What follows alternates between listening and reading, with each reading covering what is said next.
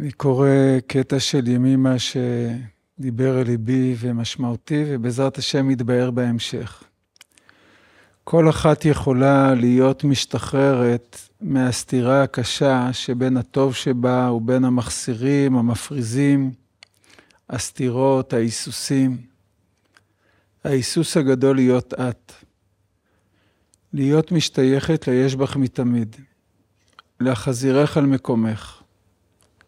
אז תוכלי להודות ולשמוח, להודות לקדוש ברוך הוא שהשתחררת, שיצאת מקבילות, מבית סוהר סגור ונעול.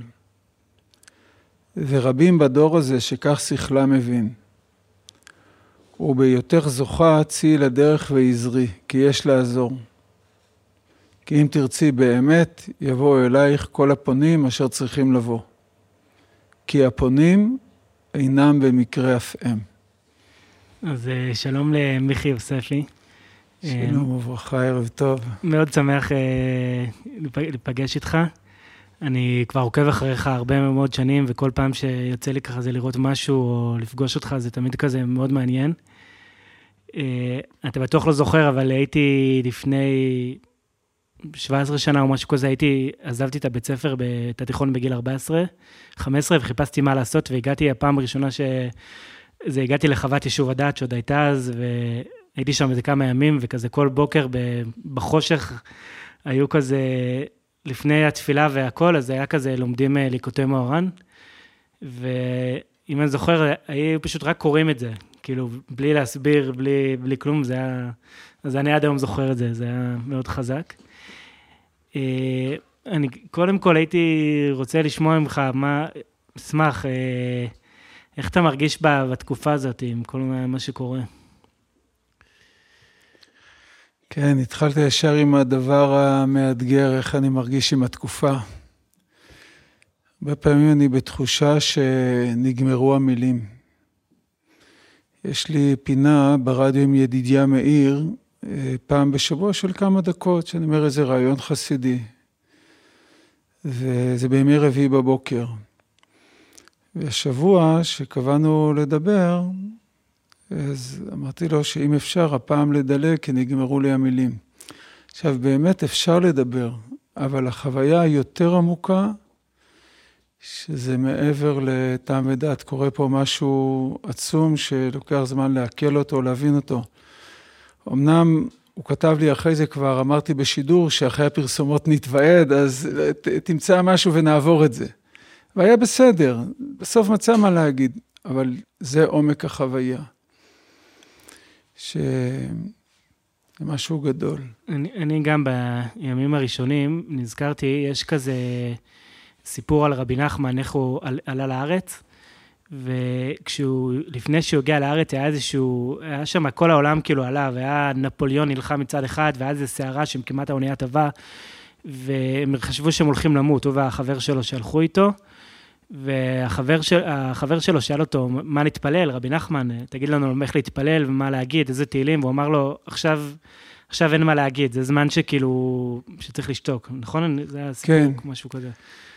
אז כאילו, ככה בימים הראשונים אה, אמרתי, מה, מה, כאילו, אין מה להגיד, אין פוסט שאפשר לכתוב וזה. ואז תוך, אבל די מהר עבר זמן, ופתאום לכולם יש מה להגיד, וכל אחד... אה, ממשיך עם, הרבה ממשיכים עם מה שהיה להם פעם, לפני זה, כאילו, ממשיכים עם כל אחד, אה, האידיאולוגיה שלו, איכשהו כל אחד, המציאות לא מעניינת, כל אחד לוקח את מה שקרה, לא כל אחד, הרבה כן השתנו, אבל יש הרבה גם שבפייסבוק וזה, שכאילו ממשיכים עם אותו קו שלפני זה. יכול לומר לך שאותי זה לוקח גם למקום הקיומי, כאילו על ערך החיים, איך מכניסים יותר אה, תוכן בחיים, יותר משמעות, זאת אומרת שהם כל כך נזילים וכל כך ברגע אחד אינם. יש כמובן לדבר על העניין הלאומי, הביטחוני, או עוד, או עוד דברים, אבל זה גם מחשבות מה עושים עם החיים עכשיו, איך הם הפכו להיות באישי יותר משמעותיים. היה סרטון ש... של אחד הילדים במסיבה שהלך לעולמו, שנרצח יהודה בכר, ששמעו אותו שר את אלוהי נשמה של להקת mm. עלמה. כן. יש פה מישהו שיצא לו לראות את הסרטון הזה? בדרך למסיבה.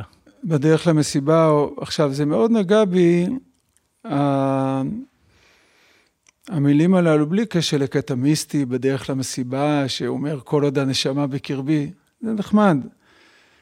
אבל המילים עצמם, קודם כל נשמה שנתת בי טהורה היא, שכוונה יש בי משהו נקי, טהור, מעבר לכל הסיפור וכל החוויות שעברנו בחיים. זה תזכורת. יש לכל אחד מאיתנו סיפורים או טראומות או זיכרונות כואבים, שבמשך הזמן כמו מחשיכים על המהות הנקייה, הטהורה. אלוהי נשמה שנתת בי טהורה היא. חשבתי גם בתור הלצה, שאם רוצים אינטימות עם הקדוש ברוך הוא, אפשר להגיד לו, אלוהי, נשמה. ואחרי זה המילים, כל זמן שהנשמה בקרבי מודה אני, לא, לא עוד איזה תרגיל בוקר, ככה עניין. ואז ראיתי שיש שתי גרסאות לסרטונים שיצא ממני. גרסה אחת שמסתיימת במילים, כל זמן שהנשמה בקרבי מודה אני לפניך, זה מאוד חזק. אחרי זה מצאתי עוד גרסה עם עוד 30 שניות. ריבון כל המעשים, אדון כל הנשמות. שזה גם היה לי כמו איזה שקט פנימי, עם כל זה שאנחנו בחיים של בחירה, וצריכים להגן על עצמנו, וצריכים להגיב, אבל יש גם מקום פנימי של להגיד, אתה ריבונו של עולם, ריבון כל המעשים, אדון כל הנשמות. כן, זה, זה, זה קשה, אני חושב, עוד מי שיש לו מה לעשות, שהוא במילואים, או שהוא עוזר לארוז את הדברים לחיילים, כאילו, קשה לחזור לשגרה אחרי דבר כזה, וכאילו, מה עושים? איפה, מה, מאיפה מתחילים? קודם כל, זה באמת חוויה מטלטלת שלם. אנחנו, להבנתי, עוד לא מודעים על ההשלכות של מה שעברנו. אנחנו עדיין בעיצומו של השוק, למרות שעברו קצת ימים, ו... אתה יודע שיש אירועים, לפעמים אתה שומע על איזה דרמה, או קרה משהו, איזה אסון, וככל שעובר הזמן אתה מבין שהיו קצת הגזמות, והיו... זה לא בדיוק ככה, פה זה עובד הפוך. כן. ככל שעובר הזמן, מבין למה שנחשפנו. אבל זה מעלה שאלות במובן הזה של, של איך להתקדם, איך לצעוק, לפחות מה שאני אמרתי, שאני לוקח את זה למקום שלי יותר משמעות. אז אמנם יש אנשים שיהיו במעגל של התופת בעצמה, ששם יצטרכו לקבל את מלוא העזרה, גם המקצועית והליווי, איך לצאת מזה. ויש כל אחד עם מקורות ההאזנה שלו. אני הרבה פעמים כשאני יושב בלימוד עם קבוצה, אני אומר, כל אחד מכם בנה את עולמו הרוחני. תספרו לי למה אתם ניגשים, לכל אחד.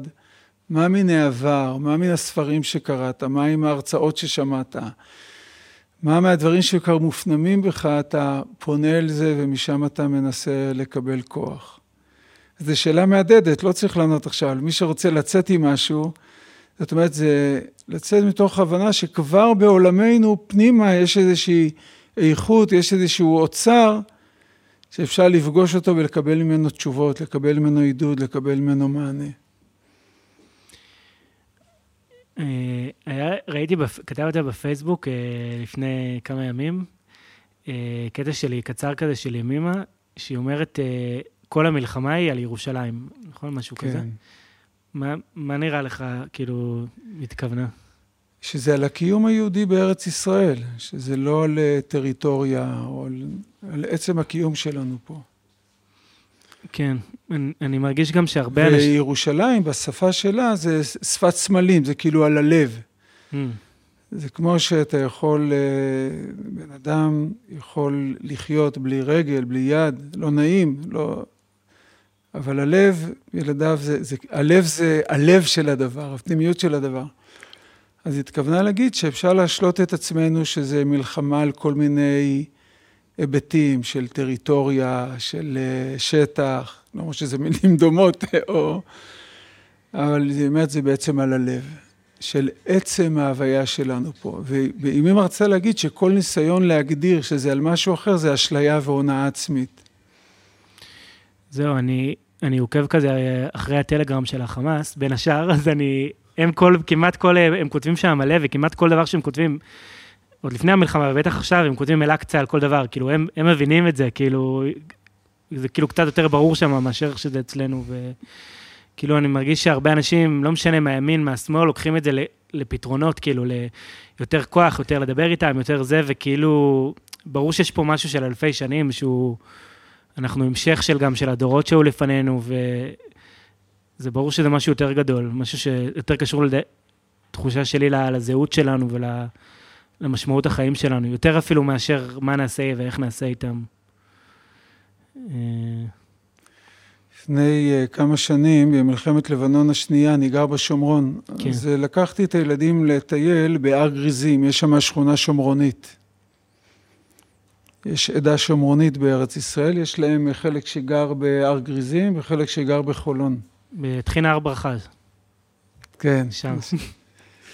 ויש להם את אה, מקריבים עדיין קורבן פסח, כן. עדה מעניינת. יש להם את הכתב העברי העתיק שהם משתמשים בו. אז דיברתי שם עם אחד המבוגרים, אה, היה כזה איש נבון, הוא אומר לי, אתה לא מבין? אלוהים, הוא אמר לי ככה במבטא הערבי, לא מסכים שתוותרו על לבנון, הוא ימשוך אתכם באף עוד פעם ועוד פעם, עד שתיכנעו ותגידו, אנחנו נשארים. וואו. וזו החוויה שלי גם על עזה. לכן, אגב, מאוד כואב לי הכניסה ש... אני אמרתי לאשתי כבר לפני כמה שנים שיש פולחן מולך בארץ. שכל כמה שנים מקריבים כמה עשרות בנים למולך בעזה. זה לא נעים להגיד, אבל כאילו זה בלי תכלית. לגמרי. וכאילו הפתרון, אמרת שכל אחד מציע פתרון, להגיד חזרנו הביתה. עלה לי גם הדימוי שגם מכווץ לי את הלב על שאני שומע שאנשים נהרגים בעזה. אומר בכנות, אמנם זה יכול להתסיס מה ומה עם הילדים שלנו, אני אומר לכל אורך השנים, שאני אומר עוד סיבוב ועוד סיבוב, אנשים בונים בתים, ושוב אנחנו הורגים בהם, ושוב, מה, מהחוסר רצון להיכנע ולומר חזרנו הביתה, אנחנו נשארים שם. ובשביל לא להכיר בזה, אנחנו מוכנים עוד פעם ועוד פעם להרוג.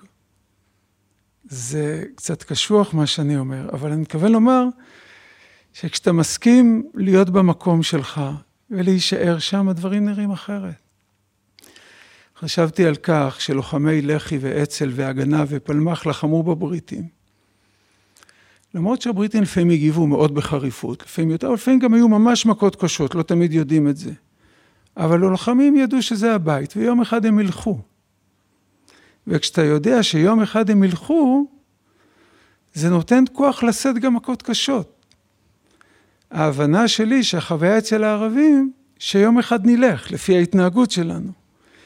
ולכן זה לא רלוונטי מכות קשות, או החרבת הרבה בניינים, או להרוג אלפים, שבעיניי זה מוות מיותר, של כולם. אני הרבה עובד גם עם שיטת 12 הצעדים, ששם מדברים להיכנע. Mm. כן. עודנו שאנחנו חסרנים. אז בשבילי הלהיכנע, זה להגיד, צריך פשוט חזרנו הביתה להיות שם. ואת זה אנחנו לא מוכנים, אנחנו מוכנים שיהיה עוד סיבובים בעזה. העיקר לא להגיד את הדבר הפשוט הזה, לחזור לעצמנו, למי שאנחנו. כשבן אדם מתרחק מהעצמיות שלו, למה אנחנו מתרחקים מהעצמיות שלנו? למה בן אדם הופך להיות לא אותנטי? בשביל לזכות לאהדה. אני מציג את זה שטחית, יש עוד סיבות, אבל בפשטות. מתי אנחנו לא אותנטיים? מתי אנחנו מרצים? כי אנחנו רוצים יותר להרגיש שייכים, להרגיש יותר אהודים, יותר אהובים. יש עוד סיבות, אני חוזר ואומר זה בשטחיות. למה התרחקנו משם? חוץ מאשר כל מיני סיבות, זה גם שמעמדנו יהיה יותר טוב בעולם. אבל מה המציאות מראה? לא עבד. בבקשה. לא, זה, זה נכון, זה... אני גם, אני גם חשבתי על זה, הייתי שם בתקופה שלפני ההתנתקות, בכל ה... שהלכו בכפר הממון ובהתנתקות עצמה, בגוש קטיף. והיה שם, כל השנה הזאת היה מלא תפילות ובכי ושירים וכאילו, היה שם משהו, לי, אחת החוויות הרוחניות הכי חזקות שהייתי בחיים, שאני כולל מסיבות, תפילות, לא משנה מה, היה שם כל כך הרבה אנשים שכולם שרו ביחד, זה היה משהו... ואני חושב שאולי אפילו אז לא הבנו בכלל על מה מדובר, כאילו, אז בסדר, כאילו מתפללים ומפנים אותנו, אבל כאילו, עכשיו אני, פתאום רואים מה קרה ב-20 שנה אחר כך, ואז אולי פתאום מובן על מה היה התפילות, כאילו, ולא, אני לא חושב שמישהו חשב על זה במודע, אבל כאילו, היה שם משהו גדול במקום הזה. חשבתי על זה, יש אה, שיר, שיר הוא שיר לשלום, אל תלחשו תפילה. אז יש דתיים שלא אוהבים את זה, שזה נשמע כאילו לא תפילה, שיר. אבל עלה לי בהיבט החסידי, בהקשר חיובי, שניגון ושירה זה יותר גבוה מתפילה. זה לא מבטל לתפילה, אלא מצביע על יותר מקום גבוה. גם כל המזמורים של דוד המלך הם אמור, אמורים היו להיות מבוצעים בשירה. שיר למעלות, מזמור לדוד, לדוד מזמור. אז שיר הוא שיר, זה כוונה היא, זה מדרגה יותר גבוהה להתפלל בשירה. ושם באמת בגוש קטיף היו מעמדות אה, ממש מצמררים, מי שזוכר את התפילה להעניק היא יעטוף. כן. לפני השם ישפוך שיחו. יש מדרש שאומר שאם אומות העולם היו יודעים כמה השפעה בית המקדש מביא להם, הם היו עושים אה, מעגלי שמירה סביב ירושלים, שלא יהרסו את בית המקדש. אז חשבתי על זה שאם היה, הייתה לנו הבנה עד כמה גוש קטיף הביא ברכה לכל העם, אז גם האנשים שמתנגדים או שהבינו שלא נכון, היו מגינים בגופם אה, אה, על הגוש. עכשיו, זה דברים שהם לא תמיד מקבלים, אבל אני משתף שזה ביני לביני. אגב, גם פה, אני אומר לך דברים שבדרך כלל אני לא אומר ברבים. אה, למה אני לא אומר אותם ברבים? כי באמת היום זה זמן, זה לא להגיד דברים מאתגרים שיכולים אה, לעורר התנגדות. המאחד הוא נורא חשוב, אבל פה באווירה הסלונית והנעימה, אז אה, אפשר לדבר מעבר. כן.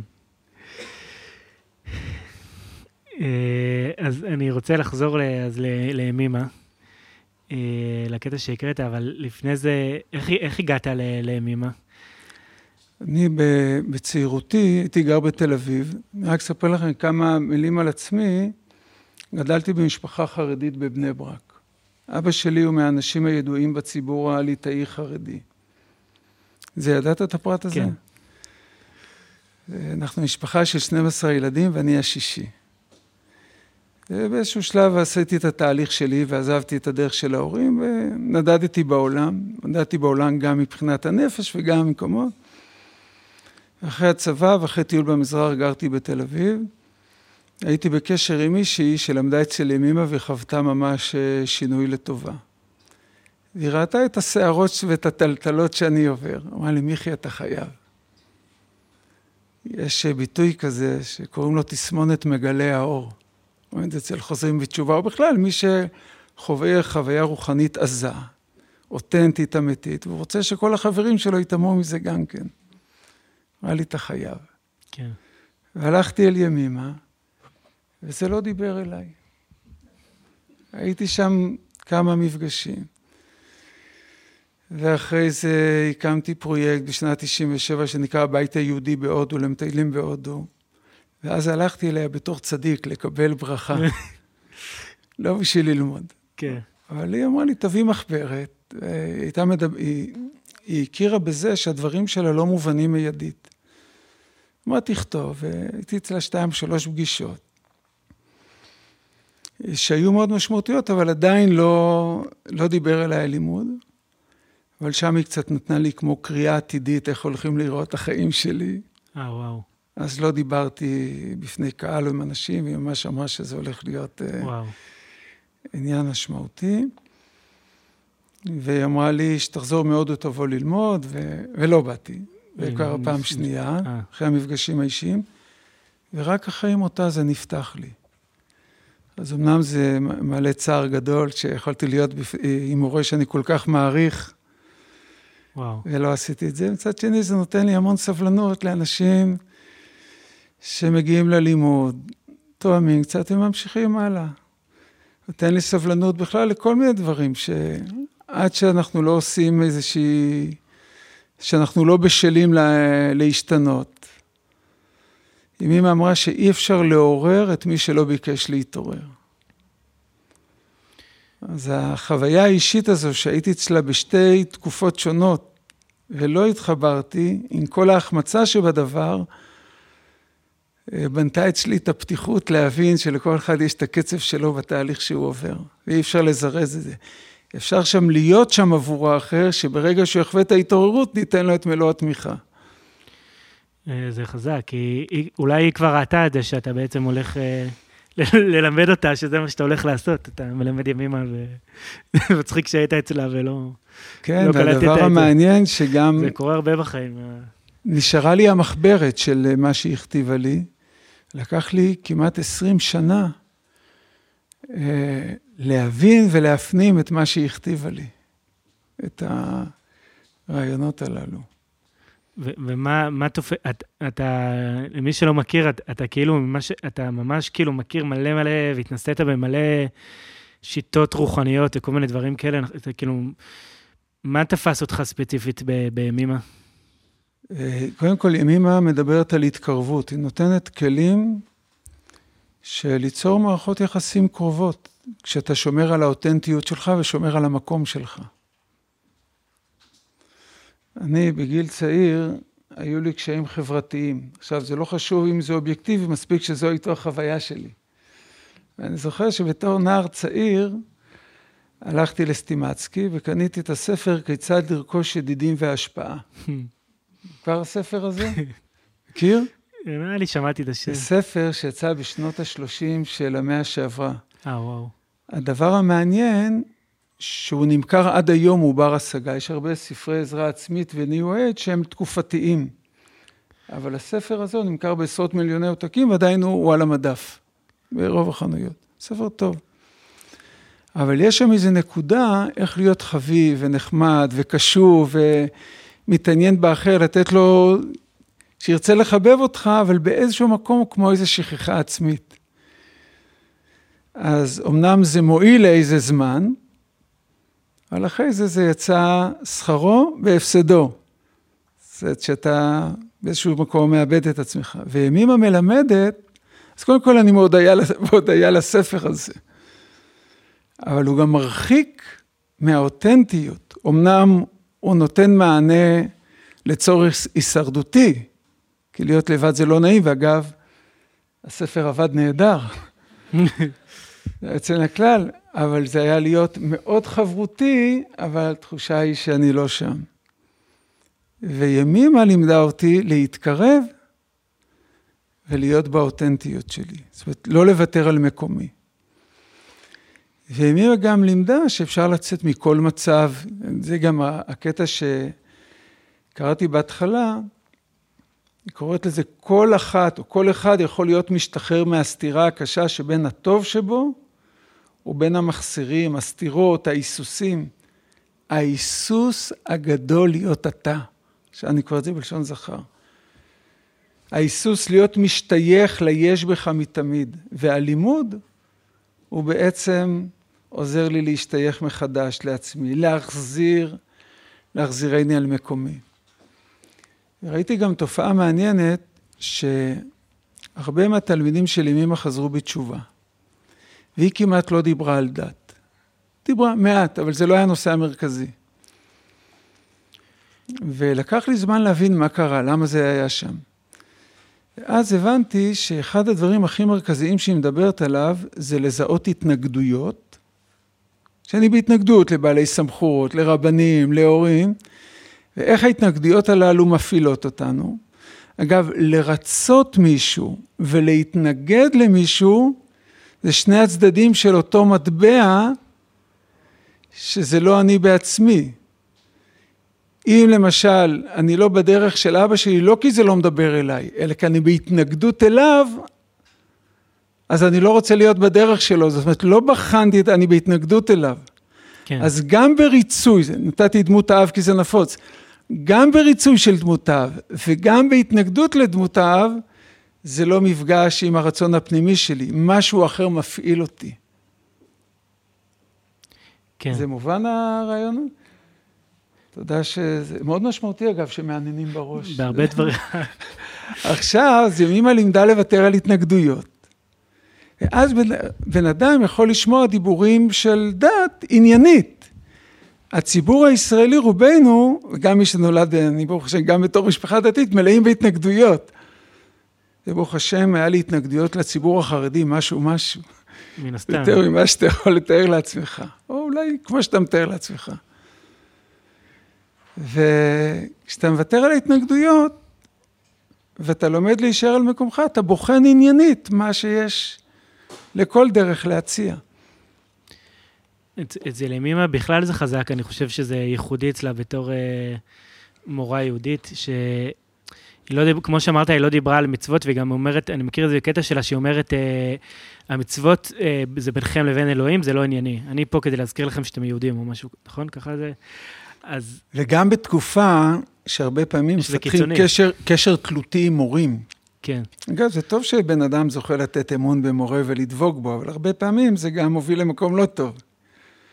אם אמא אמרה קשר עם החומר, ללא תלות במעביר. יש את הקשר, אבל אין את ההישענות. שזה גם מאוד מאוד ייחודי אצלה, אני חושב. זה, אני גם למדתי הרבה שנים עם אמא, וזה גם, אני חושב בהתחלה זה מה שתפס אותי, כי הייתי כל כך שבע מ...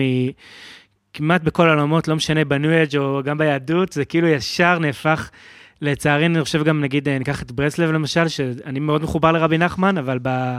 נסעתי כמה פעמים לאומן, וזה כאילו, כל... הרבה שמה זה כאילו, ישר בוא נראה איך נהפוך את זה לשיטה, איך נהפוך את זה ל... אני אתלבש כמו שכל החסידות מתלבשת, ובכל מקום זה קורה ככה, בכל אה, דת וכת, זה כאילו... ובאמת משהו שהיה לי מאוד חזק אצל אמימה, שזה גם מאוד משוחרר שם, כאילו, והיא... לא יודעים עליה גם הרבה, אני למדתי אצל מורה שהיה, אצל שלומי, שהוא היה אצלה הרבה נראה לי, והוא הוא, לא, הוא בעצמו לא יודע על הרבה מאוד פרטים בסיסיים, למרות שהוא למד אצלה וזה, אז שאלנו אותו איך אתה לא יודע, אז הוא אמר לא, לא התעסקתי בזה באותו זמן, לא חשבתי על זה, ואז היא מתה. אז כאילו, שזה מוזר. כאילו... גם העביר את המסר לא לעשות ממנה עניין. כן. זה ככה בפשטות של... אה, זה מאוד גם... חריג, אבל בעולם הרוח... אה, גם על הלימוד שלה היא אמרה, שאלו אותה מאיפה הלימוד, אמרת, תראו אם זה עובד או לא עובד, אם זה עובד, תתמידו. ואם זה לא עובד, אז, אה, אז כמו הרבה דברים אחרים שניסיתם, איך הלימוד הזה יתפרסם? מנשים שלמדו וראו שזה מחולל שינויים לטובה בחייהם. אני אגיד לך שגם רבי נחמן הוא אחד. היום אני עובד בעיקר עם uh, שלושה מקורות עיקריים, עם תורת רבי נחמן, ועם ימימה, ועם 12 הצעדים. יכול להגיד על רבי נחמן, מה שפתח לי את רבי נחמן, יש בשיטת 12 הצעדים, שהיא, אגב, זו שיטה שבמקור היא עובדת התמכרויות, אבל היום מתייחסים אליה כשיטה להתפתחות רוחנית, שאני זוכר שפגשתי את זה פעם ראשונה, אמרתי לעצמי, לפני הרבה שנים, אמרתי, איזה, וזה כל כך הרשים אותי, כל כך נגע בליבי, בעומק של הדרך אמרתי, איזה באסה שאין לי התמכרות מוכחת. אגב, לכולנו יש התמכרויות. אבל אז הייתה התפיסה הקלאסית שרק התמכרויות... אלכוהוליסט אה, קשה. כן, אבל ברוך השם היום שכל טוב, איזה באסה שאין לי התמכרות מוכחת ליהנות מהדרך הזו. היום אפשר ליהנות מזה וכל אחד זכאי. הצעד השלישי אומר, הצד הראשון אומר, הגענו, אה, עודנו שאנו חסרי אונים. מול ההתמכרות או מול הרגשות או מול, מול, מול המצב. הצד השני אומר, הגענו לאמונה שכוח גדול מאיתנו יכול להחזיר אותנו לשפיות. הצד השלישי אומר, החלטנו למסור את רצונותינו ואת חיינו להשגחת אלוהים כפי שאני מבין אותו. אז יש פה שני שלבים. החלטנו למסור את רצונותינו השגחת אלוהים. מה זה כפי שאנחנו מבינים אותו? זה נועד בשביל שלא יהיו ויכוחים של דת בקבוצות. כל אחד עם התפיסה שהוא בא. זאת אומרת שכולם יהיו זכאים ליהנות מהדרך הזאת. זאת אומרת, לא נכנסים בכלל, מבקשים לך תיצור קשר עם אלוהים, אבל כמו שאתה מגדיר, אין צורך. והמשפט הזה נורא תפס אותי. ואמרתי, אני בקשר עם רבי נחמן, כמו שאני מבין אותו. לכן כן. הזכרתי את זה. ובניתי אצלי את רבי נחמן, ועם הזמן אני רואה שרבי נחמן באמת גם נתן את החופש הזה, זה לא שאני uh, מעוות אותו לצרכיי. כן. אמרת לבושים, בסיפורי מעשיות, מעשה מבעל תפילה, יש שם משפט. הרבה מהרעיונות שלו רבי נחמן מכניס בסיפורי מעשיות, שזה כאילו, זה לא מניפיסט רשמי של, זה רק סיפור. אבל יש לו שם ביטוי, והלבושים לא היה מקפיד כלל. בחסידויות שזה כל כך העניין, רבי נחמן אומר, אתה רוצה תתלבש, אתה רוצה אל תתלבש, זה בכלל לא הנושא. הלב שלך מעניין אותי.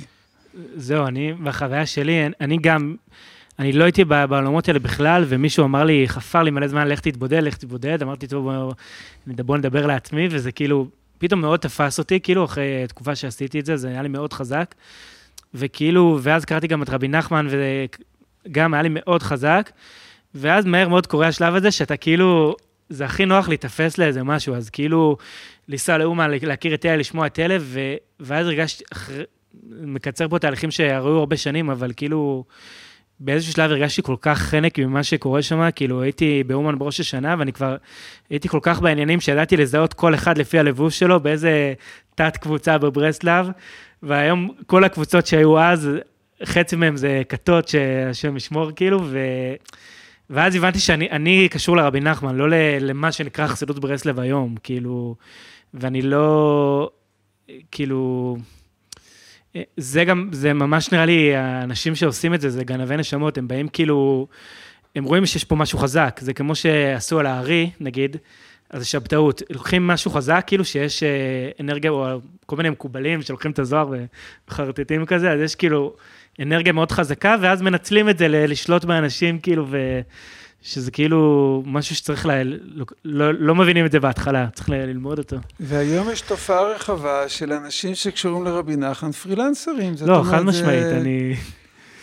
וצריך לדעת שלשם רבי נחמן אה, כיוון, זאת אומרת, הוא אמר, יהיו כאלו שיהיו לבושים אה, בחרדית אה, נפוצה, ויהיו כאלו ש... זה המסר שלו. אתה רואה שלמשל יש... הרבה דברים, למשל בחסידויות אחרות, בחב"ד למשל, שאני מאוד מעריך, אבל עושים עניין מהלבוש. אם אתה רוצה להצטרף, או מי שמכיר קצת את הניואנסים, אם מצא שמורה או שוריה בפסח, או נוסח של תפילה. רב נחמן בדיוק הפוך. הלבושים לא היה מקפיד כלל. שאלו אותו פעם לאכול שוריה בפסח או לא, מי שלא מכיר מה המושג שיברר, אמר, תעשה לפי מנהג אבותיך, כאילו, אל תעשה מזה עניין, זה לא הנושא. נוסח תפילה, תפלל, העיקר שתתפלל, מה ש... זאת אומרת, הוא ראה את עצמו גם כמשהו באמת אוניברסלי של לא ליצור עוד קבוצה חסידית, הוא הבין שיש לו בשורה. והיה לי מתנה שהיה לי מורה, הרב יצחק בזנסון. אדם יקר שאני כל כך אוהב, הוא כל הזמן העביר לי מסר, למרות שהוא היה לבוש אה, כחרדי, והתפרנס מציור, אמן צרפתי. זה כבר... אה, העביר לי כל הזמן, מי, אה, רבי נחמן זה לא השבלונה. אומר, אני אלמד אותך לעיין בכתביו. אחד הדברים שמאוד היה חשוב לו, שלקח לי שנים כמה להבין, יש בליקוטי מוהר"ן מתודה איך להעמיק בספר ולדלות משם תובנות. זה נקרא 18 כללים. אמר לי מיכי, אפשר במשל הידוע, אפשר לתת לבן אדם ארוחת דגים, אפשר ללמד אותו לדוג, שיתפרנס בעצמו. הוא אומר, אתה יכול, בהתחלה הייתי בא לשמוע את השיחות שלו, כי אהבתי אותה, הוא אומר, אבל זה לא הנושא, אני רוצה שתלמד בעצמך לדוג. ובאמת, מאז שהוא העביר לי את הדעת הזאת, ומעבירים אותה, זו חוויה אחרת של... אה, כן. אה, אז על הקטע של הימימה שבחרת, יש... אה, רוצה עוד לדבר עליו? יש שם דיבור שהיא אומרת, כל אחד יכול להשתחרר. יכול להשתחרר ממה שמונע ממנו להיות הוא. חושב על זה גם בעקבות המצב שהחיים כל כך נזילים ויש גם איזושהי תחושה שאולי אנחנו רק בתחילת המי יודעת מהם. אז כמובן שאם יש מה לעשות בהיבט מעשי שבן אדם יעשה, אם הוא לא יודע, מגופי הביטחון או מכיר דרכים רוחניות, אבל יש גם איזושהי נקודה של לחיות, זאת אומרת, אה, אם כבר חיים, שזה יהיה החיים האותנטיים שלנו. רבי נחמן יש לו ביטוי כזה של נצרך לבריות. הוא אומר, אדם שנצרך לבריות, חייו אינם חיים. נצרך לבריות זה לא רק לקבץ נדבות. זה מישהו שהוא תלותי באישור של אחרים בשביל להרגיש קיים. ויש לו, הוא לוקח את המילים של דוד המלך, שאומר, אהללה את השם בחיי. כשאני חי את החיים שלי, זה אהלל השם. כשאני חי את האותנטיות, אהללה את השם, במה אני מהלל אותו? בחיי. יפה. זה רעיונות אה, עמוקים בשלוש מילים, עללה את השם ארבע. כן. אני צריך את האצבעות בשביל... יפה. אז ימימה מדברת על להשתחרר. ולא רק זה, היא גם אומרת, בהיותך זוכה, צילה דרך ועזרי. זאת אומרת, היא מדברת על כך שכשבן אדם מרגיש את החופש הזה, את השחרור הזה, הוא יכול לצאת לדרך, לעזור לאחרים. אתה יודע, אה, אחד הדברים שקיבלתי מימימה, היא מדברת הרבה לקבל את האחר כפי שהוא. שזה תוצאה של קבלת עצמי כפי שהוא.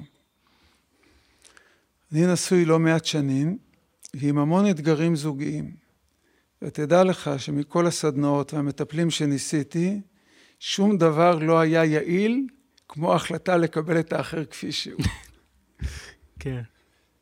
וזה תוצאה, וזה כואב ומצחיק כמה שזה פשוט, אבל באמת אין פתרון אחר. שזה תוצאה של קבלה עצמית כפי שאני. עכשיו כמובן שזה גם פשוט, אבל קצת אני מציג את זה פשטני. המציאות היא יותר מורכבת, אבל זה בא לחדד איזה רעיון. היא אומרת שנלמד לקבל את עצמנו, אנחנו נפסיק את המאבק ונהיה פנויים לראות את מה שיש. לראות את היש. ראיית היש, אחד הדברים הכי משמעותיים, ב, ב, אה, למרות שאין מילת תואר למילה יש, הכוונה היא ראיית היש הטוב, ולשמוח בו, אחרי שהיא מלמדת לעשות הפרדה, היא לא אומרת להתעלם ממה שכואב, ממה שמציק, לראות את זה, לתת לזה שם, לכאוב את זה ולעשות את ההפרדה בין מה שאני לא מרוצה, בין מה שמציק, לבין הדברים שאני יכול להודות עליהם ולשמוח בהם. אז את הקטע הזה הרבה פעמים אני נותן לאנשים אפילו שהם עוד לא מכירים את ימימה, כי כבר היא מדברת על ה... יש לי ייעוד בשבילך. בהיותך זוכה, או בהיותך זוכה, צא לדרך ויעזור. עכשיו, אין עזרה יותר גדולה לעם, לסביבה, לקהילה, מאשר שאתה עצמך הצלחת לפרוץ דרך באישי. זה מעורר השראה. אנשים רואים שעברת איזה שינוי, מתעניינים. מה קרה שפתאום אתה ככה שקט? שקט ההפך מסערה. מה קרה שאתה נראה יותר טוב? אז הם מתעניינים בזה. וחוץ מזה זה גם מעורר אדוות. ב... כן.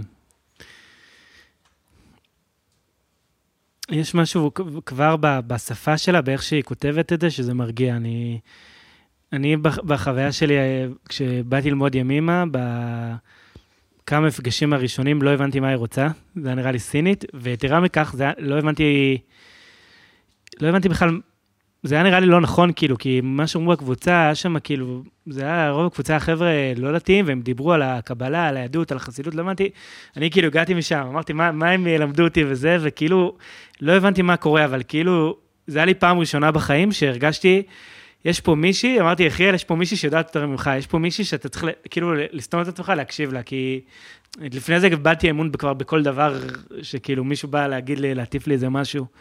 אז, ואני תמיד יש משהו בטקסטים שלה, שהם גם שהם קצת חידתיים, אבל שהם מאוד... אה, הם חזקים, לא יודע איך, שהיא כותבת בעברית שלה. אני מרגיש שהטקסטים שלה, הם מעוררים איזה תדר של אה, תקווה. לפעמים אני קורא טקסטים שלה בלי להסביר או בלי לכתוב על זה, אני נותן רק למילים הללו להדהד באוזניי.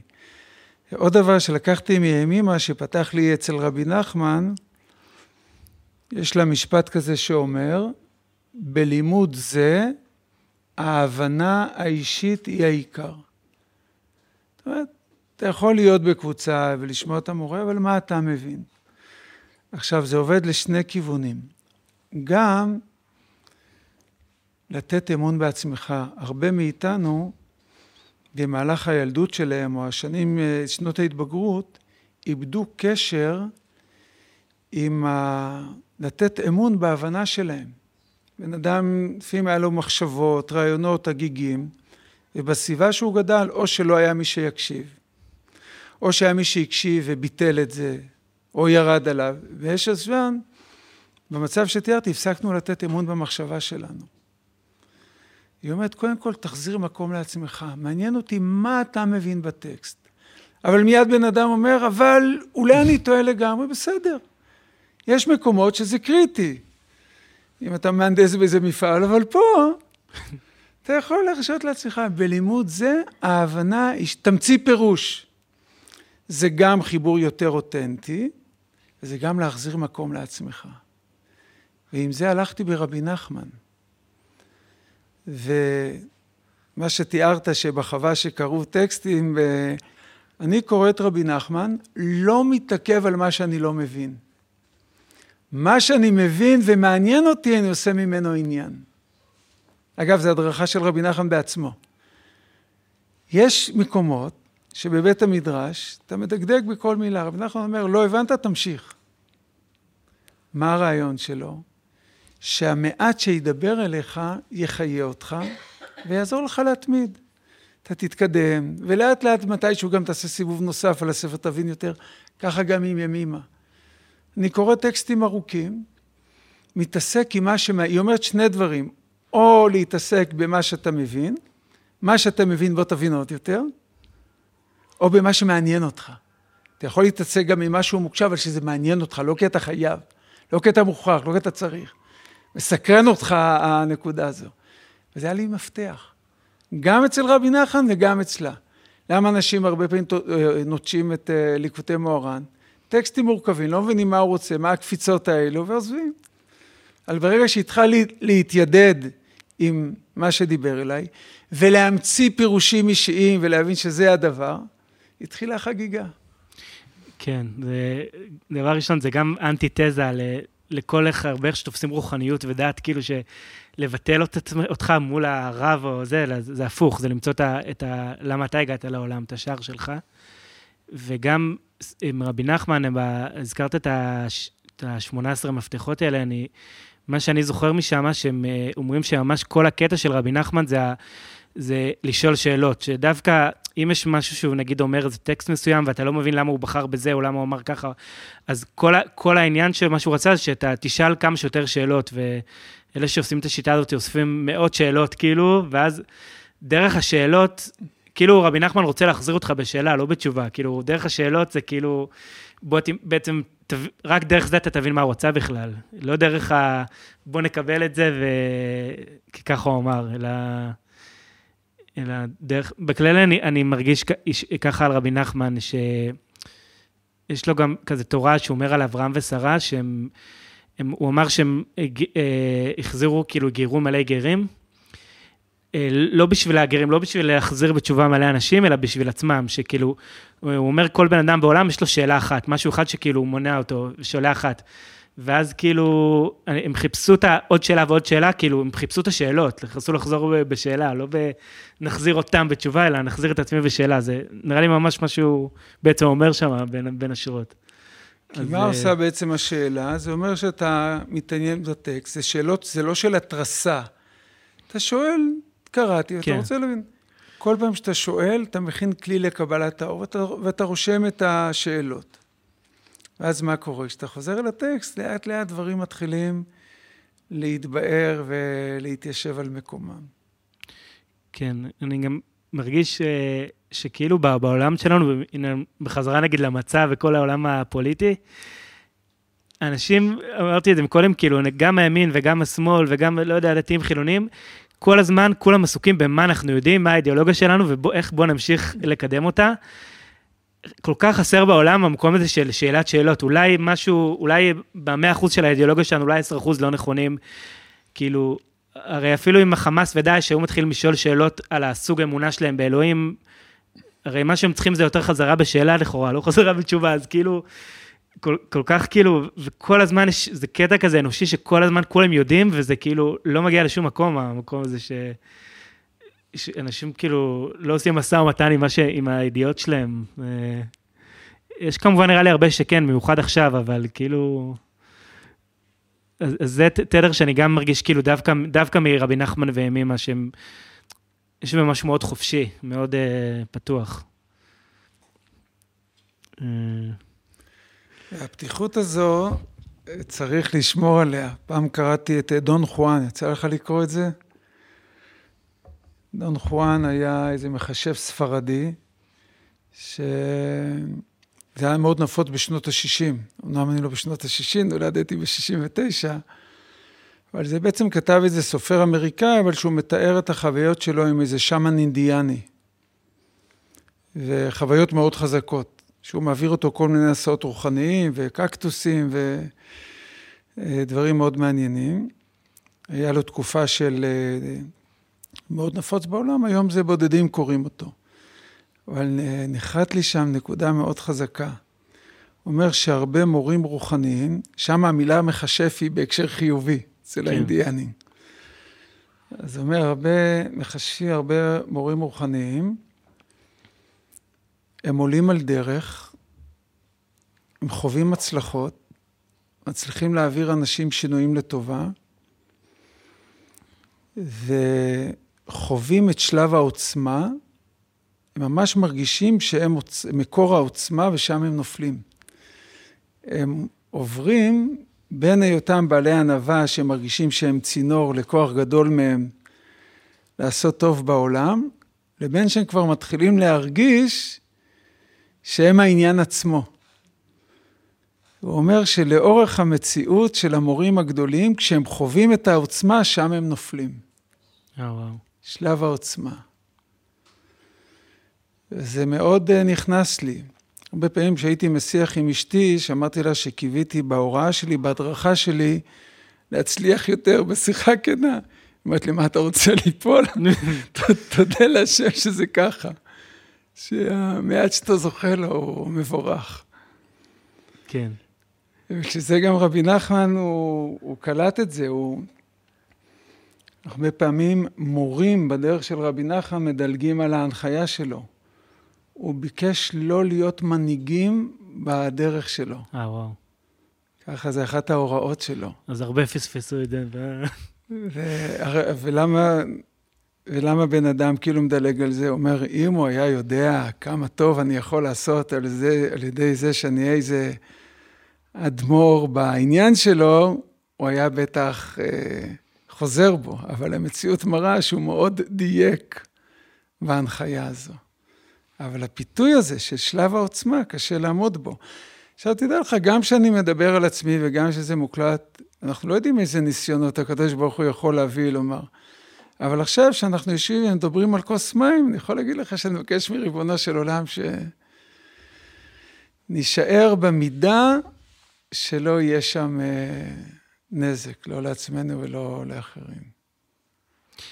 אני חושב גם, ממש באמת רבי נחמן, אה, הצפת לי את זה שבאמת, זה אחד הדברים הכי חזקים אצלו, שהוא הוא ידע לעשות מעצמו, יש, יש גם הרבה סיטואציות שהוא אומר, אני לא יודע, אה, שפעם נגיד רבי נתן מספר, נכנסתי אליו לחדר, והוא בכה, הוא אמר בכה כמו תינוק כאילו, ו, ואמר לו, ושאל אותו מה עושים, מה עושים, אני לא יודע עכשיו. כאילו בעולם הידע שיש לרבי נחמן, זה, זה אחד הכי גדולים שהיו ביהדות, כאילו זה, זה עצום. ועדיין בן אדם במצב שלו, כל הזמן, יש, כל הזמן הוא חוזר על זה שהוא לא, שהוא כאילו עולה ויורד, יש מצבים שהוא לא, לא לכן כל מיני חוקרים אומרים, היה לו מאנה דפרסיה וזה, אבל זה לא, לא הנקודה, כאילו, הוא פשוט באמת הסכים להיות ב... כדי להתמלא, להיות במצב שהוא לא יודע כלום. ולפני שהוא עלה לארץ, כשהוא ניסה לעלות לארץ, אז הוא... הוא שיחק כדורגל עם, עם טורקים, עם ערבים, ב, עם גופייה. באיסטנבול. כן. וכאילו, הוא אמר שבגלל זה הוא היחיד שהצליח, כי בזמן שלו גם uh, הגאון מווילנה, בעל התניא, uh, הבעל שם טוב, כולם ניסו ולא הצליחו. כי הוא אמר, הם לא ידעו להיות קטנים, הם כאילו היו רק, uh, כאילו, זה לא, לא בקטע רע, אבל כאילו הם היו מאוד גדולים. וזה משהו שמאוד מאוד חזק אצלו, בסיפורים אצלו, היכולת להיות uh, קטן. הסכים להיות בלא יודע. כן. שגם עכשיו אני שוב חושב על עכשיו שאני בימים הראשונים, גם היה לי שזה קרה, ישר כאילו אמרתי, למה לא, כאילו כל אחד יש לו נראה לי את הקטע הזה של הדעה שלו, אז למה המדינה לא עושה ככה, למה הם, למה הם, למה הם, ואז אמרתי, פתאום שמתי לב שזה מעמיס עליי, המקום הזה שאני מתעצבן, למה הצבא לא עושה ככה והמדינה לא עושה ככה, וכאילו, אמרתי לעצמי, למה אני חייב לדעת, מה, כאילו, מילא הייתי ראש הממשלה, אבל אני לא, כאילו, מה, מה אני חייב, כאילו... גם ראש הממשלה אולי לא יודע, כאילו, זה, זה פתאום שחרר אותי, אמרתי, אני יכול להפסיק כאילו עם ה... להיות בלחץ על מה שהמדינה צריכה לעשות. אני לפעמים שואל אותי, את עצמי, ברוח הבעל שם טוב, אומר שאתה רואה חיסרון בזולת, תשאל איפה זה בך. חשוב לציין, זה נקרא תורת המראות של הבעל שם טוב. חשוב לציין שכדאי להתעסק עם זה רק אם בן אדם מרגיש מושגח ומונחה, ולא עוד אה, הזדמנויות להוסיף על עצמו אשמה. שאתה רואה חיסרון במישהו אחר ולייחס את זה לעצמך. אם בן אדם מרגיש אשמה, שלא יתעסק עם זה. אבל הוא אומר, איזה יופי שמנחים אותי, נותנים לי משהו לראות שמסעיר אותי, ואני מנסה לראות איפה משהו מעין זה יש בתוכי. אז מקודם אמרתי שההנהגה מתקשה להיכנע לדבר הפשוט של לחזור ל... לארץ אבותינו, אז חשבתי לעצמי, איפה בך יש אה, דברים שאתה יודע שזה הכי נכון להשתנות בהם, הכי נכון לשנות גישה, אבל זה גדול עליך ואתה לא מוצא את הכוחות. ובקלות מצאתי. כן. זאת אומרת, ואז אמרתי לעצמי, בוא תעבוד. אני אגב באמת מאמין שאדם שמשתנה באיש, באישי, משתנה לחיוב, ועושה פריצת דרך, זה מזין עוד מעגלים סביבו.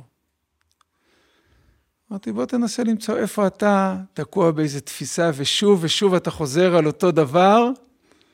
יש, יש ביטוי מהצעדים, שאני מכיר אותו מאחד המורים שלי בצעדים, הוא תמיד אומר לי, מיכי, זה לא עבד, זה לא עובד, זה לא יעבוד. הוא מכיר אותי על דברים. אז ככה אני מרגיש גם לגבי מה שהולך בעזה, אלא אם כן תהיה איזו התערבות שמימית, זה לא עבד, זה לא עובד, זה לא יעבוד. אבל אני אומר, איפה בעצמך אתה מנסה עוד פעם ועוד פעם מאותו דבר? זה אגב התמכרות. כן. התמכרות במובן הזה שאתה, משהו שאתה כמו שבוי בו, הוא כבר מפסיק להועיל לך, לא עבד, זה לא עובד ולא עובד, ובכל זאת אנחנו חוזרים לשם. כן, ואם אז... יש משהו שהוא לא שייך לך, אז הוא כל הזמן יבוא ויפוצץ אותך. זה... אני גם עולה לי עכשיו איזה משהו אצלי בחיים, שכל הזמן אני... כל פתרון שאני עושה, זה ממשיך כאילו לא, לא להסתדר, אז... ואני בכוח מתעקש כאילו לשמור על זה. כן. אה, בחרת קטע של אה, רבי נחמן. אה, רוצה לספר, להקריא אותו?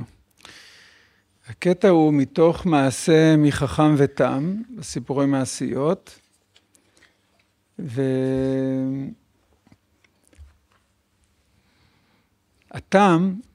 למד מלאכת סנדלרות. מחמת שהיה תם, למד הרבה עד שקיבל. ולא היה בקיא באומנות בשלמות. ונשא אישה. הוא היה מתפרנס מן המלאכה. ומחמת שהיה תם ולא היה בקיא במלאכה כל כך, הייתה פרנסתו בדוח הגדול ובצמצום. ולא היה לו פנאי אפילו לאכול. כי היה צריך תמיד לעסוק במלאכה, מחמת שלא ידע האמנות בשלמות. בשעת המלאכה, שעה שהיה נוקב במרצע ומכניס ומוציא חוט התפירה כדרך הרצנים, היה נוגס חתיכת לחם ואוכל, ומנהגו היה שהיה תמיד בשמחה גדולה מאוד. והיה רק מלא שמחה תמיד. והיו לו כל המאכלים וכל המשקאות וכל, המל... וכל המלבושים, והיה שמח בחלקו. הסיפור הזה של החכם ותם, נחמן מציג, זה פעם ראשונה בספרות היהודית שהמילה חכם מוצגת באור שלילי. למרות שחכם זה אסוציאציה חיובית, אבל זה מישהו שכל הזמן סובל, מתוסכל. זה קצת קריקטורה, אבל זה בא לחדד משהו. כן. הוא גאון, הוא כישרוני. אחד הדברים שכתוב שהוא, על החכם, שהוא לא נשא אישה, רבי נחמן רומז שהוא כנראה הכיר מישהי שזה היה נשמע קשר מצוין, אבל הוא אמר, אם אני אתחתן איתה איפה שאני נמצא, אף אחד לא ידע כמה מוצלח נהייתי. אז הוא בוחר לא להתחתן, כי אין מי שיתפעל מה... מההצלחות שלו. אז הוא עוזב את זה. אז החכם הוא כל אדם מתוסכל. והטעם, טעם זה ראשי תיבות של תמיד מרוצה. Mm. אם כי זה יכול להיות גם תמיד מתלונן. אתה בוחר. רבי נחמן מאוד בחר בתמימות. דיבר על זה, מצד אחד הוא עשה משכל עניין מאוד חשוב. ליקוטי מורן מתחיל, כי איש הישראלי צריך להסתכל בשכל שיש בכל דבר. היום קראתי איזה טקסט, אומר, כי עיקר האדם הוא השכל, מצד שני הוא מדבר הרבה על תמימות, וזה לא סותר. ההבנה שלי שתמימות אצל רבי נחמן זה קבלה עצמית ונתינת אמון. זה הדרך שלי לפרש את המושג תמימות. והתם הוא בן אדם עם כישרונות מאוד מוגבלים, אבל הוא מקבל את עצמו. מזה שהוא סנדלר, מזה שהוא מרוויח מעט, מזה שהזוגיות שלו כפי שהיא. והחבר החכם, הם, הם גדלו ביחד בצעירותם והם שומרים על חברות. וכשהחכם מתארח אצל התם, התם כואב לו הלב כמה הוא סובל לחבר שלו. והוא אומר לו פעם, מי ייתן, התם מאחל לחבר שלו, מי ייתן שתהיה פעם תמין כמוני ותפסיק לסבול. אז החכם ממש כועס על הברכה הזו והאיחול הזה, אומר, זה שאני אהיה כמוך, זה יכול להיות שאני אהיה חולה. הוא רואה את זה כמחלה, הוא רואה את זה כאיזה ליקוי, לקות. אבל זה שאתה תהיה כמוני, זה אין שום סיכוי בעולם. שכאילו אדיוט כמותך יהיה אינטלקטואל ומשכיל כמוני.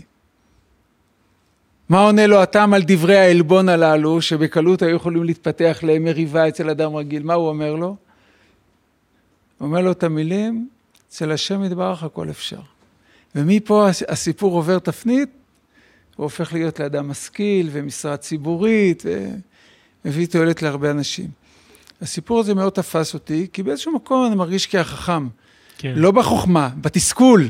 גם אני, זה נראה לי כל העולם המערבי לוקח אותך לשם. אז רבי נחמן מציג את זה, אין דמות שהיא רק החכם או רק התם, אבל רבי נחמן אומר, תראה, בוא תקבל קודם כל את ה... אני הרבה מדבר על קבלה עצמית, כי אני מתמודד עם זה, לא כי זה אה, רק רעיון אה, נבון. אתה יודע, אומרים שמי ש... למשל בחב"ד מדברים הרבה על ביטול האגו. מי מדבר כל הזמן על ביטול האגו? מי שמתמודד עם אגו. כן. אה, רבי נחמן מדבר הרבה על שמחה. מי מתעניין בלימוד שמדבר הרבה על שמחה? מי שמתמודד עם שמחה. אז ככה גם כן, מי מדבר הרבה על קבלה עצמית? מי שמתמודד עם מאבק והתנגדות. אבל יש אמון שזה דרך שעובדת. כן. אז באמת אני, כאילו, הסיפור הזה זה ממש כאילו על, כאילו באמת הרוב בעולם המערבי מחנך אותך להיות החכם, כל הזמן ל... כאילו לחשוב מבחוץ על הדברים שאתה עושה, כל דבר מה הבעיות שלו, למה אתה לא בסדר, וכל הזמן יש לנו, במיוחד היום עם הפייסבוק והזה, כאילו רק כל הזמן לבדוק כמה אנחנו לא בסדר ולהשוות אותנו מול האחרים, ואף פעם לא להיות מרוצה. ו...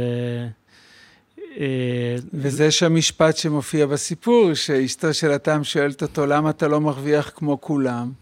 הסיבה היא שהוא לא מרוויח כמו כולם כי יש לו יכולות אחרות. והוא אומר לה, זה מעשה שלו, וזה מעשה שלי, ולמה לנו לדבר מאחרים? אני יכול להסתכל על האחר בשביל לקבל השראה, אבל לא בשביל להשוות ולקבל שיתוק, ולא לעשות כלום. כן. אמ,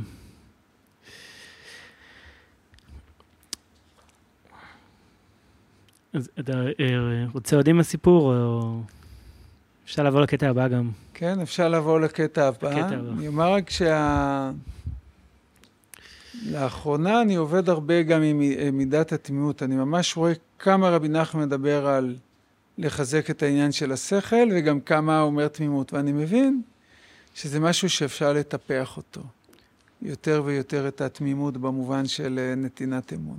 זה מאוד מאתגר, כי לי נגיד מאוד קשה לתת אמון בכולם, כולל בהכי קרובים אליי. אני, בגלל אני חושב שכאילו בחיים בתור ילד, אני חושב, אתה חסר אונים, אתה חייב לתת אמון ואתה נותן אמון, ואז אתה לאט לאט גודל ואתה מפסיק כאילו להאמין. אה...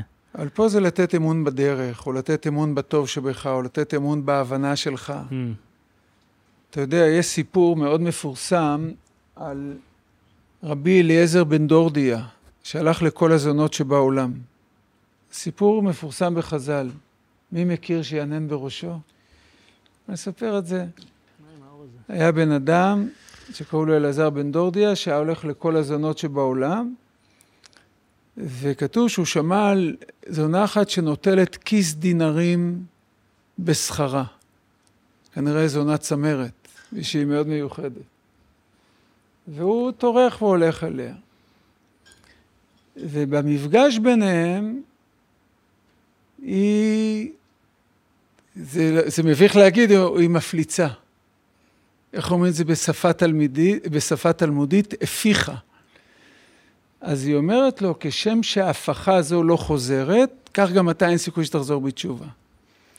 אז חשבתי על זה קודם כל, מה זה, ואז הוא, זה ממש נכנס בו כמו חץ, והוא מתחיל איזה תהליך שהוא מבקש משמיים וארץ שיבקשו עליו רחמים, ומשמש וירח, כאילו מכל גרמי השמיים, והם כולם אומרים לו, אנחנו עסוקים בהישרדות שלנו, אנחנו לא יכולים לעזור לך. עד שהוא בא ואומר, אין, אה, ישב וגאה בבכייה, שאמר, אין הדבר תלוי אלא בי, ויצא נשמתו. אה, באמת? כן, ויצא בת קול, מזומן אתה רבי אליעזר בן דורדיה לחיי עולם הבא. ואני רוצה להציע פירוש בשם החירות הספרותית. קודם כל, זה שהיא אומרת לו את הדיבור הזה, זונת צמרת זה לא מתאים שככה תהיה כמו שמה שתיארתי ליד הלקוח, והיא מבינה שיש פה משהו חריג. אני אומר את זה בשביל, היא, היא מבינה שמשהו פה לא... היא כל כך מיומנת כנראה בלתת את השירות המיוחד שלה, היא אומרת מה קרה לי, והיא עושה גם כן מזה איזה דיבור רוחני. ועכשיו רבי אליעזר בן דורדיה בעצמו, מה זה אומר שבן אדם הולך מזונה לזונה? הוא כנראה גם אדם כישרוני, כי יש לו יכולות כלכליות, זאת אומרת, הוא יודע להתפרנס. גם איך הוא היה רב? אני לא, לא הבנתי. לא, הסיום, על שם סופו, 아, נוסף לו התואר רבי, הוא לא. כן. עכשיו, מה זה בן אדם שהולך מזונה לזונה? זה בן אדם שמחפש קשר ולא מוצא את מקומו. Mm. מחפש מערכת יחסים, אבל הכאב שם גדול ולא מצליח להשאיר אותו, והוא כל הזמן בציפייה שאולי הפעם זה ילך. הוא עושה עוד ניסיון ועוד ניסיון. אפשר גם להגיד שזה התמכרות למין, אבל אני בוחר לדבר על היבט אחר. שזה עוד ניסיון לחיבור, עוד ניסיון לקשר. ואיזשהו שומע שיש מישהו מיוחד, הוא אומר, אולי הפעם זה, זה יהיה משהו מיוחד. ורואה כשזה לא הולך, וכשהוא פונה לכל גרמי השמיים ומבקש עזרה, עולה בו איזו הבנה, אין הדבר תלוי אלא בי. עכשיו, אין הדבר תלוי אלא בי, זה לא דיבור של אגו, זה לא דיבור של במקום לקבל עזרה ממורים מטפלים.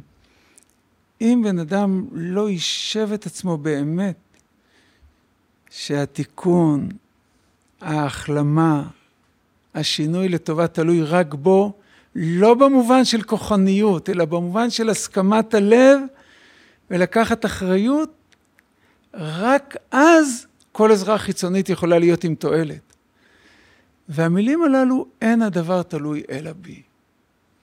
הרבה פעמים אני מערער בזה, שגם להגיד אין הדבר תלוי אלא בי, זה נתינת אמון. אמרתי תמימות זה אמון. שוב, זה לא כוחניות, זה לא שאתה מחזיק מעצמך את מה שאין. אבל אם לא תיתן את האמון בעצמך, שיש בך את המקום היודע, המבין מאיפה להתחיל, לאן לגשת, כל עזרה חיצונית זה כמו ללכת זה כמו ללכת ממטפל למטפל, זה גם ללכת מזונה לזונה, עד ששמע שבקרחי הים יהיה זונה שלוקחת כיס דינרים בשכרה, זה סדנה מיוחדת פיצוץ, שם הסדנה הזו תשנה לך את החיים. ממש. וההבנה הזאת של... אגב, לי פעם היה תקציב שנתי, כל שנה הייתי הולך לרועי נסתרות, לסדנאות, למטפלים. זה לא שהפסקתי, כמעט הפסקתי. למרות שלא הפנמתי שזה... על ככל שאני מתקרב לעבודה הזאת של אין הדבר תלוי אלא בי,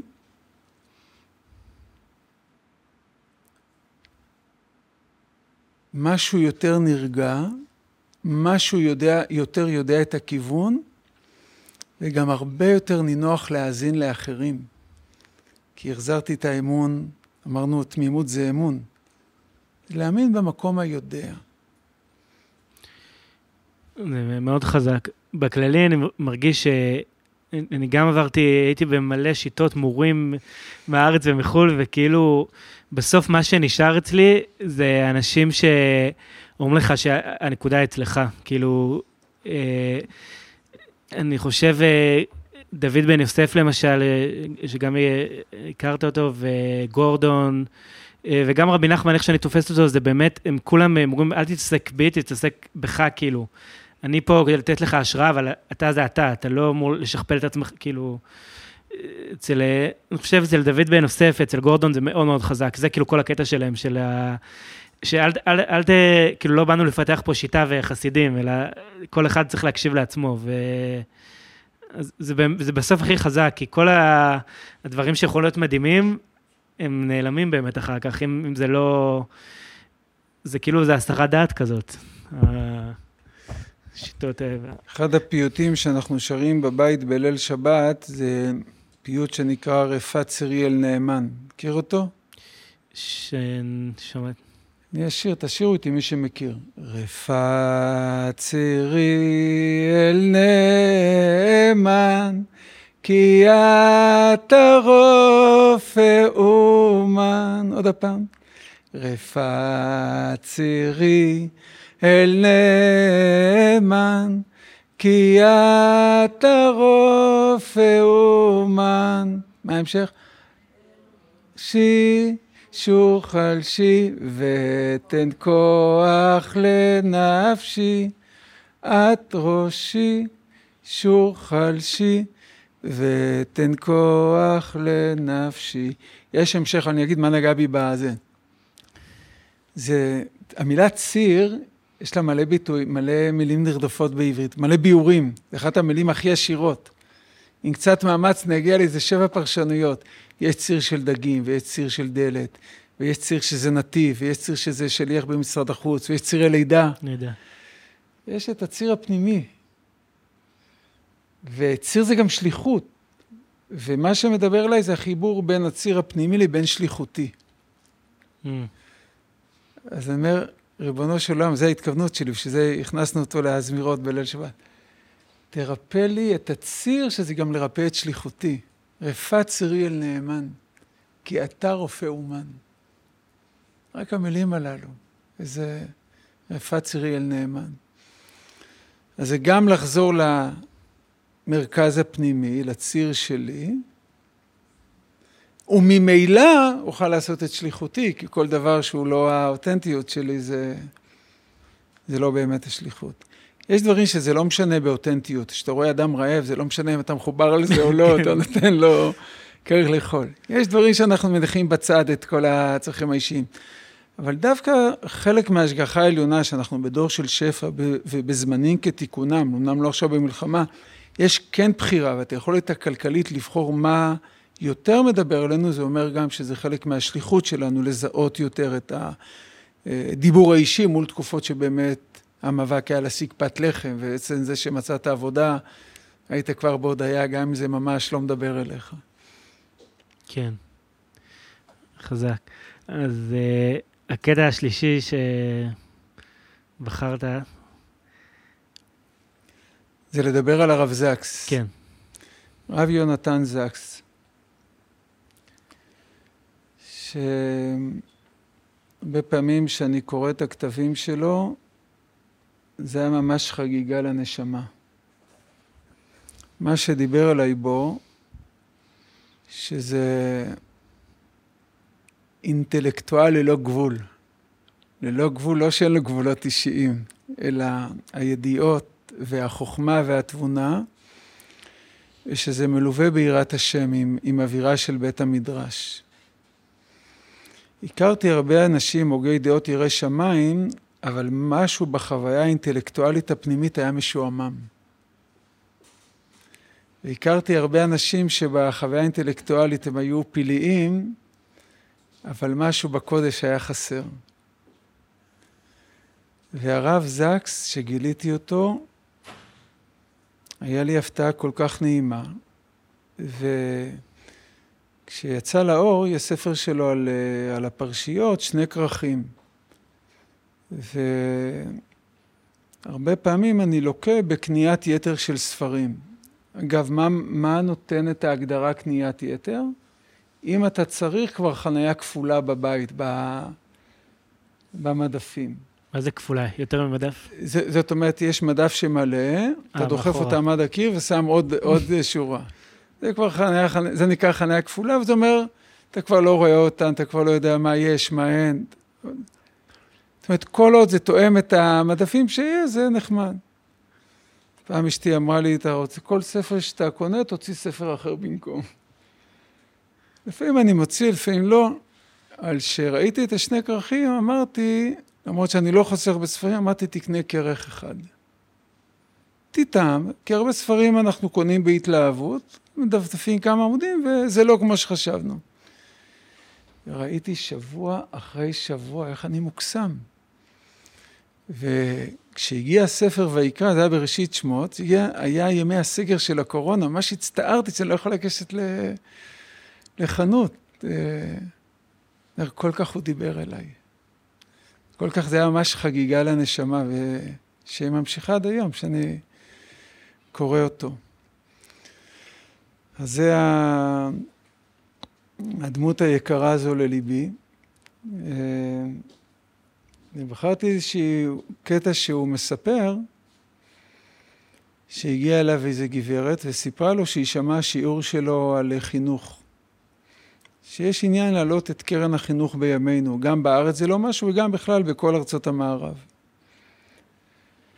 והוא דיבר איתה, הוא אמר לה, נתן לה עצה. אמר לה, העבודה שלנו זה לחגוג הצלחות. היא סיפרה גם שהבית ספר שלה בלונדון ירד מאלף תלמידים לחמש מאות, ובקצב הזה הוא הולך להיסגר. אז היא אמרה לו, מה זאת אומרת לחגוג? הבית ספר עומד להיסגר. אז הוא אומר לו, לא הבנת, לחגוג כל הצלחה, כל למידה, כל פרויקט, לעשות מזה עניין. עכשיו, יש עוד איזו הרחבה שם בטקסט, אני לא זוכר כרגע, אבל אחרי כמה שנים היא שולחת לו מכתב, היא מתארת לו איך שזה הצליח בצורה פלאית, והבית ספר חזר ועלה על דרך המלך, והיא גם קיבלה את אות המלכה על החינוך הגבוה. וחשבתי על כך גם במיוחד בימים הללו. מה זה המושג לחגוג? ולמרות ששלחתי לך את הטקסט הזה עוד לפני המאורעות האחרונים, כן. לכאורה קצת לא, לא שייך. אבל היה שם קטע שהסתכלתי בו הערב, אני רוצה רגע להקריא לכם אותו. ו... הוא מדבר שהשיחה עם אותה גברת היה בסמיכות לפיגוע במגדלי התאומים. שכביכול מול אה, חוויה כל כך של צער, או כל כך שהמילה לחגוג כביכול לא רלוונטית, אבל הבנתי שזה הרבה יותר מתאים מכל תקופה אחרת. מול הרעיות של אחרים, מה זה בעצם לחגוג? לחגוג זה לא איזה חגיגה חסרת פשר. זה כל דבר, כל הצלחה, כל טוב שקיים, לא לראות אותו מ, אה, מובן מאליו ולעשות ממנו עניין. אני קורא את זה. אני אוהב, אני, זה טור שפרסמתי בקרוב אליך, ואני אומר, שלום חברים, רציתי לשתף אתכם בסיפור שקראתי לפני זמן מה בספר של הרבי יונתן זקס. אני אוהב מאוד לקרוא את הדברים שלו, והם נותנים לי הרבה השראה. הסוף של הסיפור שאותו הוא מספר אירע ביום המפורסם של 11 בספטמבר 2001. בבוקר התקיפה על מרכז הסחר העולמי, הרב זקס הרצה באנגליה בפני קהל רחב על החשיבות הגדולה שיש בהעלאת קרנו של מקצוע ההוראה. תמצית הדברים של ההרצאה שלו פורסמה בעיתונות. וכמה ימים לאחר מכן הוא קיבל מכתב מאישה שאת שמה הוא לא זיהה בתחילה, היא קראה להרצאה שלו בעיתון, ומתוך כך התעוררה לכתוב אליו ולהזכיר לו פגישה שהייתה ביניהם שמונה שנים מוקדם יותר. בשנת 93 אותה גברת לונדונית ניהלה בית ספר שהיה במצב מקרטע. כדי לנסות לשפר את מצב בית הספר שלה, היא החליטה לפנות אל הרב זקס. אגב, הוא היה, חשוב לציין שהוא היה דמות באנגליה, דמות לאומית, לא רק אצל היהודים. גם כשה-BBC רצה סדרה למוסר וערכים, הוא פנה אליו ולא לאיש הכנסייה האנגליקנית, שזה רוב תושבי אנגליה. ובאמת הספרים שלו אה, מגלים בהם עניין רב, מיליונים בעולם, רבים מהם, אה, הרוב לא יהודים אפילו אפשר לומר. אז היא פנתה לרב זק בתקווה שיוכל לסייע לה בעצה טובה. היא שמעה את תוכנית הרדיו שלו, חשה הזדהות עם המסרים שהוא העביר, והרגישה שיכולה להיות לו תשובה לבעיות שהטרידו אותה במסגרת הניהול של בית הספר. אחרי שהיא יצרה קשר עם הרב זקס. הוא הזמין אותה לבוא לפגישה והגיע עם עוד שני סגנים שלה אל הבית של הרב זקס. בפגישה היא סיפרה לו על כך שהמורל בבית ספר, גם בקרב המורים וגם אצל תלמידים ירוד מאוד. היו הורים שהעבירו מבית הספר הזה את ילדיהם לבתי ספר אחרים. ומספר התלמידים הנרשמים ירד מאלף כל שנה לחמש מאות. תוצאות הבחינות השנתיות היו גרועות. והגיעו למצב שבו רק שמונה אחוזים מהתלמידים השיגו ציונים גבוהים. היה ברור שאם לא יהיה שינוי גדול, בית הספר ייסגר בעוד כמה שנים. הם שוחחו הרבה זמן, נושאים כלליים, בית הספר כקהילה, אילו ערכים מקנים לתלמידים ועוד. הרב זקס מספר שבשלב מסוים הוא הבין שהשיחה ביניהם דומה לרכבת שעלתה על הפסים הלא נכונים. מצד האמת המנהלת מתמודדת עם בעיה מעשית ולא עם בעיה פילוסופית. הוא עצר את השיחה ואמר למנהלת, כדי לפתור את הבעיות, אני רוצה שתתחילי לחיות מילה אחת, לחגוג. הוא הסביר לה שזה צריך להיות המוטו שלה, שאיתו היא תעבור, תעבוד בתקופה הקרובה. בתור תשובה אותה מנהלת נאנחה הנחה עמוקה ואמרה לו, אתה לא מבין, אין לנו שום דבר לחגוג, הכל אצלנו מתפורר. הרב זקס לא ויתר ואמר בהחלטיות, אז תמצאו משהו לחגוג. אם תלמיד אחד הצליח השבוע יותר משבוע שעבר, תחגגו. אם למישהו יש יום הולדת, תחגגו. אם גם סתם יום שלישי, תחגגו. המנהלת לא השתכנעה כל כך בקלות, אבל בסוף הבטיחה לנסות הרעיון, נפרדו לדרכם והרב זקס שכח מכל העניין. לאחר שמונה שנים, באותו בוקר, היא נזכרה בפגישה שלהם וכתבה לו שברצונה להודות לו. ולספר לו מה קרה מאז. בית הספר השתנה ללא היכר, אחוז מקבלי הציונים הגבוהים עלה מ-8% ל-65%, מספר הנרשמים בכל שנה חזר למספר המקורי, אלף תלמידים. את החדשות המרעישות באמת היא שמרה לסוף המכתב. מספר ימים קודם לכן היא קיבלה מבית המלוכה האנגלית אחד מתארי הכבוד הגבוהים ביותר שהמלכה יכלה להעניק. הסיבה לתואר הכבוד הייתה תרומתה לחינוך באנגליה. בסיום המכתב היא חתמה, רציתי שתדע כיצד שינתה מילה אחת את בית הספר ואת חיי. אני פה מסיים ב, אה, באותו מאמר, בכל מקרה אה, הרקע של המצב רוח שלי בזמן שקראתי את הסיפור היה לא כל כך גבוה, כשקראתי את הדברים של הרב זקס התעודדתי, אמרתי לעצמי וואו הרב זקס בכלל לא נכנס עם אותה מנוהלת לשורשי המצב השלילי שהייתה בו. נכון שלפעמים הדרך לתיקון עוברת בבירור איך דברים קרים ואיך אפשר לשפר ולתקן את הבעיה מההתחלה משורשה, אבל לפעמים, והרב זקס זיהה שזה הפתרון של אותה סיטואציה, השראה לכיוון חדש. קיבלתי ממש מוטיבציה לכל אותו יום שישי שקראתי את זה בזמן ההכנות לשבת, בשהייה עם הילדים בבית, בלימוד של לקראת שבת, בהתבודדות, לחגוג. הוא הציע בעצם שכל פעולה חיובית וכל עשייה טובה תהפוך להיות עניין לשמוח בכל פעולה. ואחרי זה אני אומר שגם ראיתי שזה עובד טוב, אבל מאז שכחתי מזה. זאת אומרת, וזה עכשיו תזכורת מחודשת לחגוג. ולחגוג, אני אומר ששלחתי את זה לפני המאורות, זה לא בסתירה למצב, היא הנותנת. זה כמו להוקיר את המובן מאליו ולעשות ממנו עניין. כן. כן. אה, נראה לי אנחנו נצטרך אה, לצערי הגדול אה, לסיים, למרות שאני מצטער שהבטחתי שיהיה שאלות, אבל אנחנו לא נספיק היום. בוא נעשה בשביל לקיים את ההבטחה שני שאלות. אני, יש לי בתשע וחצי זום פה בסמוך. כן, בבקשה. רגע, תביא לי את המיקרופון. דיברנו הרבה על העצמי ועל הקיום העצמי שלנו אל מול ה... מה שקורה כאילו ב... מחוץ לנו. אמ, כאילו לאור זה רציתי לשאול כאילו איך, איך מתמודדים עם אה, באמת ההפרדה הזאת. כאילו בסוף יש סערה בחוץ, אנשים שהיה להם שערות אה, עוד לפני המלחמה, אני בטוח שזה רק אה, החמיר. איך מתמודדים עם ה... העניין הזה של ההפרדה שאמרת על ימימה, זה, זה עושה לי סדר של, באמת יש דברים טובים ויש דברים שצריכים תיקון, אבל מאיפה מתחילים? כאילו, הכל מבולגן, ככה זה מרגיש לי. להתחיל להכיר בזה שאנחנו חסרי אונים. זה עצמו ש... שזה בצעדים, זה צעד ראשון. במקרה הזה אני אתן לך תשובה, תרשה לי לא להאריך, אבל קודם כל הודינו שאנחנו חסרי אונים. ב', להיזכר באמונה שכוח גדול ממני יכול לתת לי כיוון, לתת דרך. ואז הצד השלישי, להגיד, ריבונו של עולם, תאיר לי את נקודת ההתחלה. דיברתי הרבה על העצמי, אבל זה בעצם, זה הכתובת לריבונו של עולם, אבל בחיבור אישי. כאילו רובנו על המושג האלוהות, הרבה פעמים יש התנגדויות. והרבה דיברתי על לפגוש את הקדוש ברוך הוא בצורה שיש שם הסכמת הלב, וזה לא מלווה בהתנגדויות. השלב ראשון זה להכיר בחוסר אונים, להיזכר שאני לא יכול, אבל הוא כן יכול, ואז להציג שאלה. תודה. עוד שאלה? כן, בבקשה.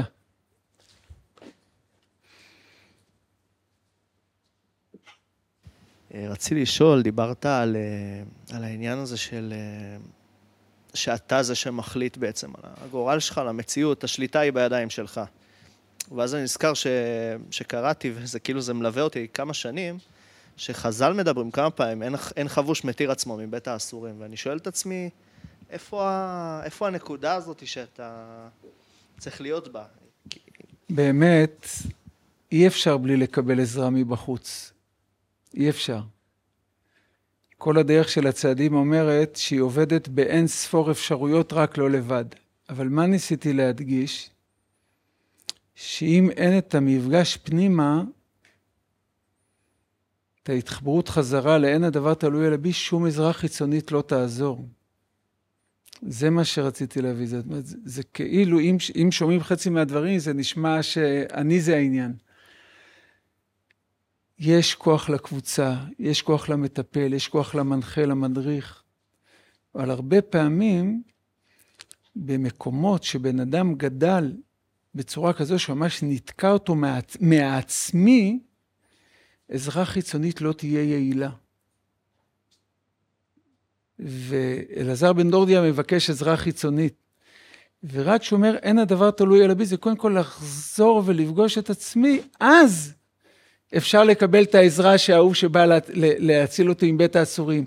במילים אחרות, אם אני לא אומר אין הדבר תלוי אלא בי, אז גם אותו אחד שיבוא לבית האסורים ויושיט לי יד, זה לא יעבוד. זה קצת איזה רעיון מורכב, אבל זה לא סותר עזרה חיצונית. זה מה שמאפשר לנו שהיא תהיה יעילה. אני רוצה לשאול על זה, על מה שעכשיו ענית לי, ש... אוקיי, לצורך העניין, אדם נגיד מקבל איזשהו...